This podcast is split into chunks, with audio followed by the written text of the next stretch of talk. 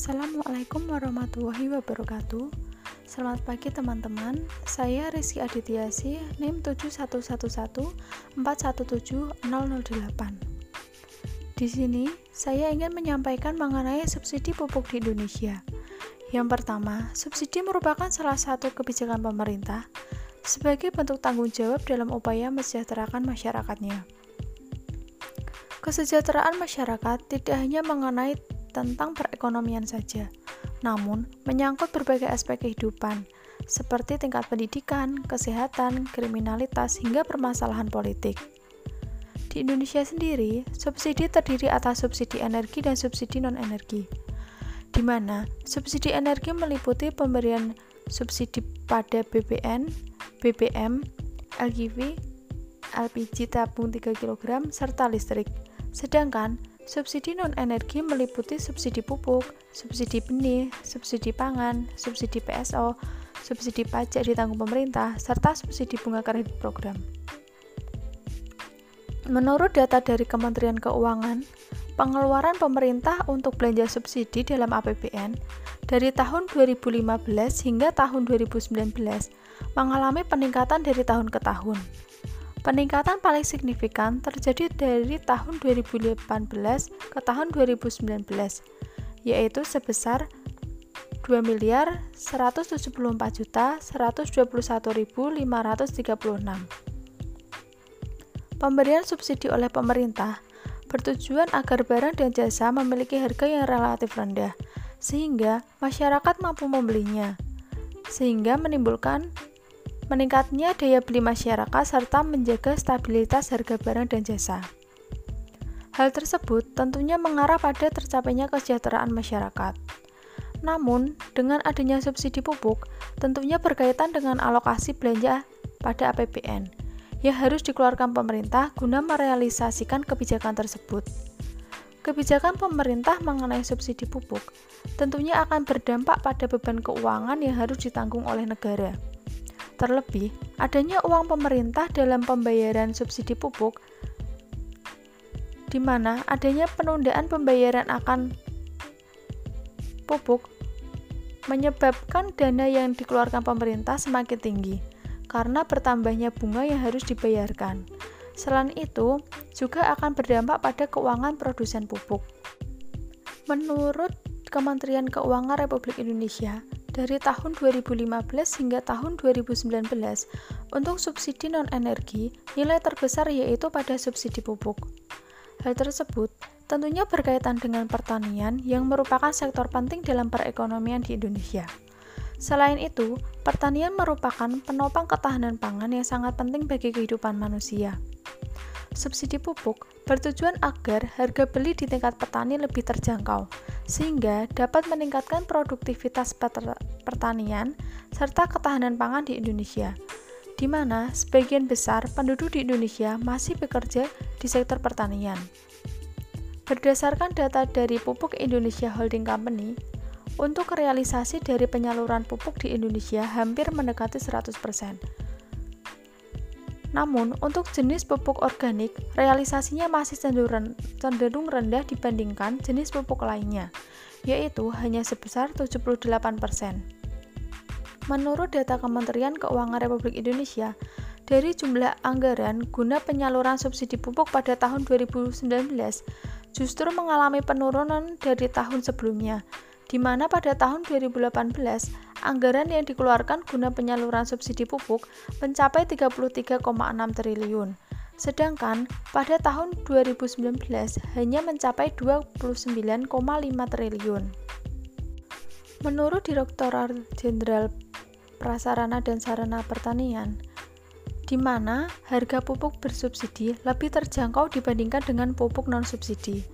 Harga dari pupuk non-subsidi dapat mencapai dua kali lipat dari harga pupuk subsidi.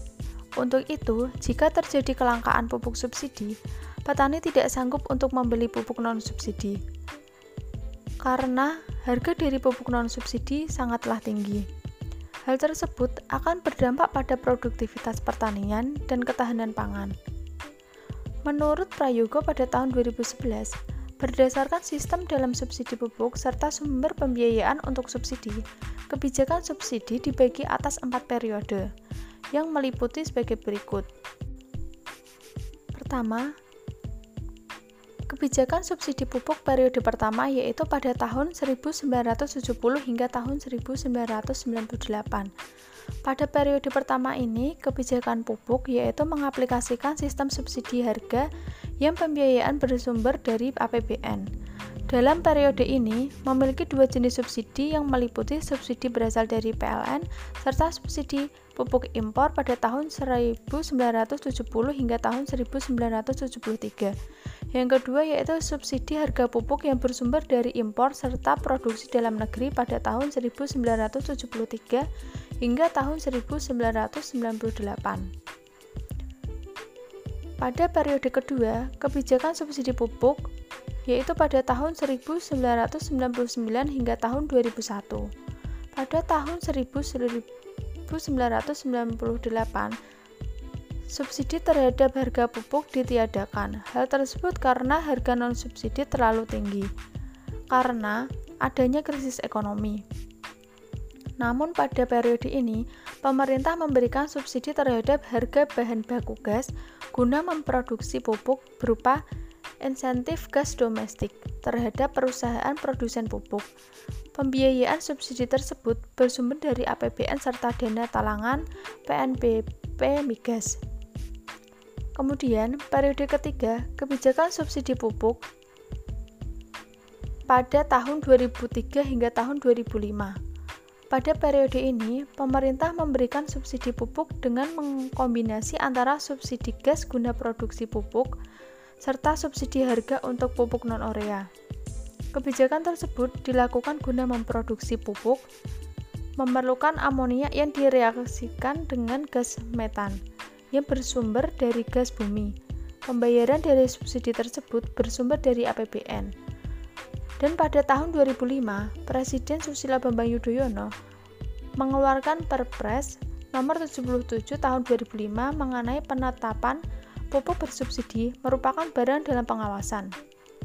Di mana dalam Perpres tersebut mengatur pupuk subsidi harus didistribusikan dengan sistem tertutup. Dalam proses pelaksanaannya, pengawasan pupuk bersubsidi dilakukan oleh Komisi Pengawasan Pupuk dan Pestisida. Dan periode keempat, kebijakan subsidi pupuk pada tahun 2006 hingga tahun 2011. Pada periode ini, pemerintah memberikan subsidi pupuk dalam bentuk subsidi harga. Pembiayaan subsidi tersebut bersumber dari APBN. Kebijakan penyesuaian harga pupuk serta pelaksanaan pada tahun 2003 hingga tahun 2016 perlu dipertimbangkan, sehingga pengalokasian sumber dapat pengalokasian subsidi dapat dialihkan di bidang lain, terutama di dalam sektor pertanian. Sejak tahun 2016, pemerintah telah melakukan uji coba kebijakan pendistribusian pupuk bersubsidi dengan menggunakan kartu tani. Namun, kebijakan tersebut hanya baru diuji coba di beberapa daerah, seperti di Provinsi Jawa Barat, tepatnya di Kabupaten Indramayu. Provinsi Jawa Tengah berada di Kabupaten Batang, Provinsi Jawa Timur di Kabupaten Bojonegoro. Selain itu, ada kebijakan distribusi dengan bidding system yaitu memiliki tujuan agar penyaluran pupuk bersubsidi dapat tertutup sehingga penyaluran pupuk bersubsidi lebih terarah. Pada tahun 2017, pemerintah mengembangkan kebijakan pendistribusian pupuk dengan menggunakan kartu tani dengan meningkatkan penerapannya di tiga kabupaten. Pemerintah sendiri memberikan subsidi pupuk terhadap produsen pupuk serta harga jual pupuk sesuai dengan harga eceran tertinggi pada pengecer. Pada tahun 2018, pemerintah masih dalam upaya pelaksanaan penerapan kartu tani dalam perindistribusian upaya penyaluran pupuk bersubsidi serta penyediaan RDKK dengan penggunaan sistem RDKK elektronik atau ERDKK.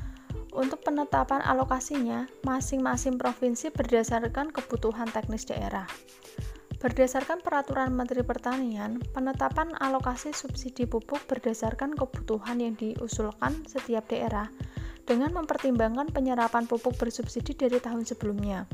Namun berkaitan dengan keterbatasan kemampuan pemerintah dalam pengalokasian anggaran, sehingga pada tahun 2019 alokasi subsidi pupuk tersedia lebih rendah dibandingkan dengan kebutuhan yang diusulkan oleh daerah di mana guna memenuhi kebutuhan pupuk tersebut di daerah, maka pemanfaat pupuk bersubsidi harus memperhatikan asas prioritas, serta setiap pupuk yang akan didistribusikan dari pabrik harus berdasarkan dengan dasar hukum dari Kementerian Pertanian untuk mengantisipasi permasalahan hukum yang akan terjadi.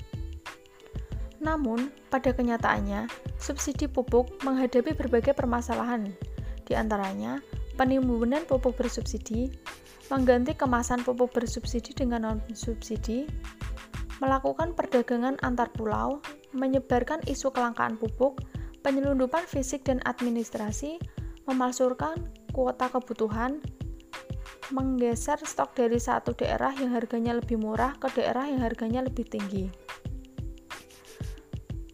Pada saat ini, di pasar terdapat dua jenis pupuk yang berbeda dengan selisih harga yang cukup jauh, bahkan mencapai dua kali lipat. Hal tersebut mengakibatkan adanya dualisme harga pupuk di pasar, yang mengakibatkan adanya kelangkaan pupuk subsidi serta adanya oknum yang tidak bertanggung jawab yang mengoplos pupuk. Bukan hanya tindakan pemalsuan pupuk dengan cara pengoplosan, namun juga pengawasan yang lemah serta pemalsuan kuota pupuk. Harga pupuk bersubsidi dengan harga yang cenderung murah menimbulkan kesempatan bagi para oknum yang tidak bertanggung jawab untuk menjual pupuk bersubsidi dengan harga yang lebih tinggi. Bahkan adanya tindakan penjualan pupuk bersubsidi antar daerah bahkan dijual dari Indonesia ke negara lain seperti Malaysia. Selain itu, ada adanya penyelundupan fisik dan administrasi serta pemalsuan kuota. Sel permasalahan yang dapat terjadi yaitu adanya kepentingan politik yang menumpangi himpunan kerukunan tani Indonesia, terutama memasuki musim politik, sehingga perlunya terjun ke lapangan guna mengetahui langsung kondisi serta permasalahan petani. Adanya permasalahan tersebut, pemerintah melakukan berbagai kebijakan, seperti kebijakan pengawasan terhadap distributor pupuk bersubsidi, serta memberikan punishment pada distributor yang menyelewengkan pupuk bersubsidi. Selain itu, masih memperketat pendistribusian pupuk bersubsidi dengan pengarahan penebusan pupuk berbasis ERDKK serta menggunakan kartu tani. Dengan adanya kebijakan tersebut, diharapkan pendistribusian pupuk dapat lebih baik serta tepat sasaran. Demikian yang dapat saya sampaikan. Apabila ada kesalahan, saya mohon maaf. Wassalamualaikum warahmatullahi wabarakatuh.